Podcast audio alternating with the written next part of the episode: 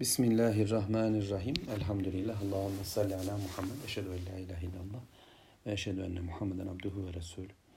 18. ayet-i kerimede Allahu Teala kibirli olmamamız gerektiğini, insanlardan yüz çevirmememiz gerektiğini bize öğretti. Yeryüzünde havalı yürümeyeceğiz, şımarıkça olmayacağız. Bunu anladık. Sevgiyle, merhametle hareket edeceğiz. İnsanları seversek onlar da bizi seviyorlar. İnsanlara buğz edersek onlar da bize buğz ediyor, öfkeleniyorlar. Kalpler birbirini çağırmakta. Bu bakımda Müslüman e, güzel davranışlıdır. Şöyle bir hadis-i şerif var. Bir önceki ayetle alakalı da devam etmiş olayım. Küllü sa'arin mel'un diyor Peygamber Efendimiz. Her büyüklük taslayan kişi melundur. Kibirli olan her kimse Buhari hadisi, Müslim hadisi bu. Her e, böbürlenen, yüz çeviren kişi, insanlarla ilgisiz olan her kimse de bir lanet edilecek durum var. Allah korusun. İnsanları hangi sebeple terk edeceğiz? İnsanları terk etme hakkımız olabilir mi? Ancak Allahu Teala'nın terk et dediği anlar olduğunda onlardan yüz çevirebiliriz. Peygamber Efendimiz Allahu Teala sen onları bana bırak der. Ama tebliği bırak anlamına gelmemiştir. Onlara daveti bırak anlamına gelmemiştir. Onların başka sıkıntılarına peygamberimizin onların yanında olduğunu hep görmüşüzdür. Örneğimiz o olunca aleyhissalatü vesselam işler kolay olacak. Neyi nasıl yapacağımızı o bize öğretiyor Allah'ın izniyle. Bu e, ayet-i kerimenin sonundaki meraha yani temşifil arzı meraha ile ilgili İsra suresi 37 38. ayetleri ayeti kerimelerde bir bakın inşallah. Orayı da tekrar gözleyin. Orada da bir yürüyüş anlatılıyor. İsra suresi 37 38. Lokman suresi 19. ayeti kerimede ise Allahu Teala'nın e, bu örnek şahsı bize örnek olarak sunduğu e, Müslüman, salih, belki peygamber olan zat oğluna öğütler verirken biz kullar Allah kullarına da nasihatlerine devam ediyor. Ve diyor ki vaksıt fi meşike vazuz min savtik. Oğlum öyle diyelim şimdi ey kul sen de yürüyüşünde orta yollu ol, orta tavırda dengeli yürü ve sesini de alçal, sesini de kıs. Yani insanlardan yüz çevirme, onlarla birlikte ol, şımarık yürüme, Allah böylelerini, şımaranları, kibirlenenleri, böbürlenenleri sevmez. Bundan dolayı yürüyüşünde dengeli ol. Nasıl dengeli yürüyeceğiz? Abdullah İbni Mesud Hazretlerinden çok güzel bir bilgi buldum. Onu paylaşayım sizlerle. E, diyor ki sanki Abdullah İbni Mesud bu ayetlerin değerlendirmesinde Yahudiler gibi dünyaya koşarak gitmeyin. Hristiyanlar gibi de uyuşuk olmayın. Dengeli olacağız biliyorsunuz Yahudilerin dinlerini kullanarak dünyaya koşmaları var. Dünyaya çok hırslı sarılmışlar. Müşrikler, ahirete inanmayanlar, bir tek dünyası olanlar hadi haklı olsunlar. Çünkü onlar yeryüzünün biteceğini, ömürlerinin tükeneceğini düşünmektedirler. Hesapları da hep buna göredir. Bundan dolayı da yeryüzünde bir hayat yaşayacağız, öleceğiz ve iş bitecek demektedirler. Ama Yahudiler onlar Allah'a, ahire güne iman ediyorlar. Kitaplarının, Tevratlarında bu var.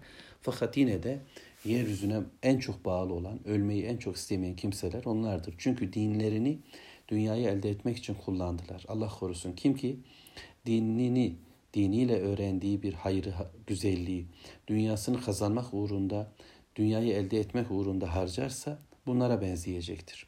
İşte onlar gibi koşar adım gitmeyin. Onlar gibi koşmayın. Hayat onlar gibi tutunmayın. Hristiyanlar, ilk dönem Hristiyanlar kastediyor Abdullah İbni Mesud. Yani yeryüzünde gerçekten e, biz Allahu Teala'nın rızasını kazanalım diye hayattan, e, Romalıların zihniyetinden, materyalist, maddeci, kapitalist dünyadan uzak bir hayat yaşamak istediler. Dağlarda, mağaralarda hayatlar kurdular. Dünyaya hevessiz ve e, çalımsız durdular. Şimdi bunlar da bir örnek. Ama onlar da bu konuda saptılar. Allah'ın istemediği bir yola girdiler. Allahu Teala Müslümanlara dengeyi söylüyor. Yani yürüyeceğiz. Camiye giderken bile bu böyle. Kulluğa giderken koşar adımca camiye gidilmez. Gideyim mi, gitmeyeyim mi diye bir uyuzluk, bir miskinlik, bir tembellik de Müslümanında olmaz. Allahu Teala'nın istediği bütün amellere böylesi bir coşkuyla gideceğiz. Ama coşuşumuz, coşkumuz bizi e, böyle panikletmeyecek. Müslümanın görüntüsünde bir heybet vardır. Muhammed sallallahu aleyhi ve sellem de hızlıca yürümek müminin göz alıcı vasıflarını giderir diyor. Heybetini giderir. Yani böyle koşar gibi oluvermek, paniklemek filan. Maddeci dünya böyledir. Müslüman ağır başlıdır. Müslüman sekinetle, sükunetle yürür. Tekrar söyleyelim. Sükunet, sekinet dediğimiz şey, vakar dediğimiz şey e, pintilik anlamına gelmiyor. Zillet ve zelillik anlamına gelmiyor. Tevazu gösteriyoruz diye insanların örselediği, aşağıladığı adam olmayacağız. İşte sükunetli yürüyorum, vakarlıyım diye de kibrimizi, e, böyle aslında pasifliğimizi ama korkaklığımızı başka türlü ortaya koymuş olmayacağız. Müslümana bir dengeyi öğretiyor Allahu Teala her aşamada. İsra suresinin yine ilgili ayetlerinde harcamayla ilgili bir denge öğretiyor. Müslüman saçıp savurmaz. Ya tamamen de cebin elinde tutmaz. Ya dengeli verir. Hayatın tamamında böyledir. İbadetlerde denge vardır. E, konuşmasında denge vardır. Susmasında denge vardır. Bakmasında denge vardır. Yürüyüşünde de denge vardır. Bu bakımdan yürümek aslında bütün bir hayatı yürümek anlamına gelecektir.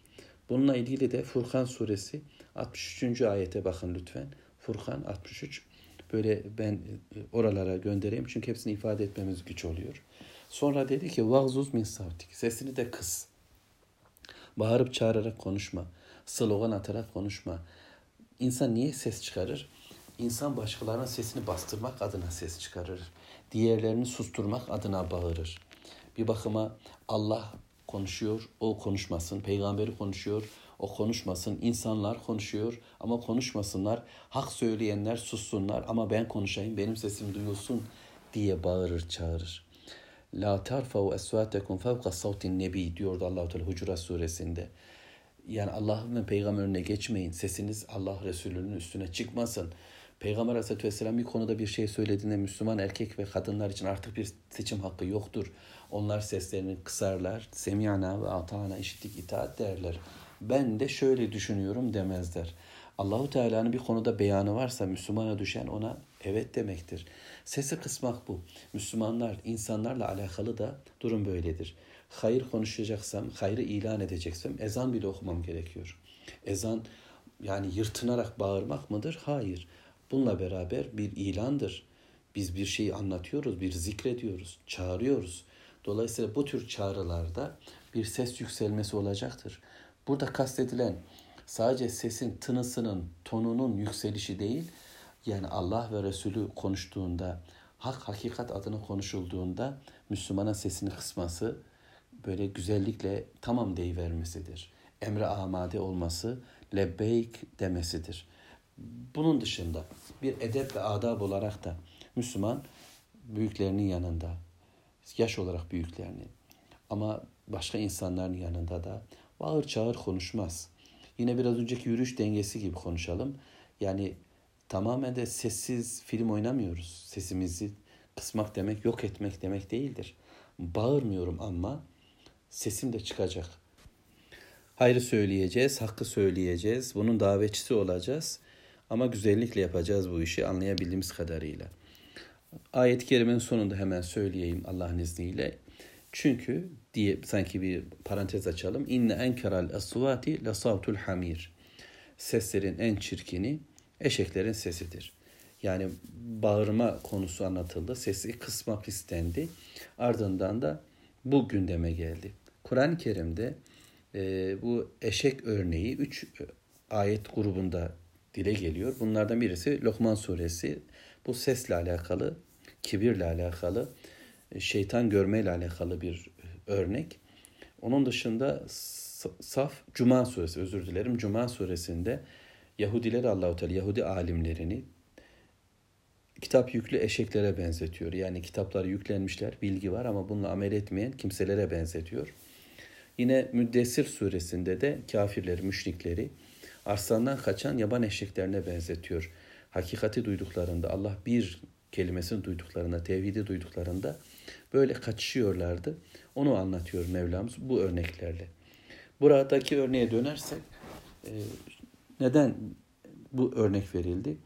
Cahiliye toplumunda bağırmak, çağırmak, slogan atmak, insanlar üzerinde etkin ve egemen olmak, siyasi söylemler yapmak, konuşarak, bağırıp çağırıp konuşarak insanları ikna etmek, medyatik güçleri kullanarak yani kulakları ne kadar çok doldurursak işte o kalpler de o kadar etkilenir mantığıyla gözden kulaktan böyle bağıra çağıra haberleri boca etmek bir işti anlaşılan ki Allahu Teala dedi ki Müslümanlara, Müslümanca bir hayat yaşamak isteyenlere, tabi bu kafirlere de bir uyarı. Bak böyle olmaz. Yani hayatı bu şekilde yaşamayacaksınız. Eğer sesse, eşeğin sesi de çok çıkıyor. Ama bir hayır değil bu. Sesinizin çok çıkması hakkı söylüyorsunuz anlamına gelmiyor. Bağırmanız, çağırmanız, karşı tarafı bezdirecek, bıktıracak şekilde hep sizin sesinizin duyulması sizin hakkınız anlamına gelmez. Eşeğin sesi de muhteşem yani bütün ortamı dolduruyor ama bir hak ifade etmiyor. Bir böyle anlayacağız. Bir de e, şeytanı gördüğünde eşek anırıyormuş. Diğer bütün varlıkların sesleri bir tesbihat, Allahu Teala bir anmadır diyor Efendimiz sallallahu aleyhi ve sellem ama eşeğinki öyle değil ya da tabiinden bu şekilde aktarılmış bu bilgi peygamberimize dayanan bir yönü var. Dolayısıyla seslerin e, yani en çirkin eşeğin sesi olması onun e, şeytan görmesiyle yani şeytana ayarlı bir ses çıkartmasıyla ilgilidir de denilmiş. Bu noktada öyleyse şeytanizmanın konuşturduğu, şeytanların söylettiği, seslendirdiği bütün sesler tekrarlayalım kısık da olsalar yüksek sestir. Fısıltı da olsa, vesvese de olsa bağırıp çağırmadır.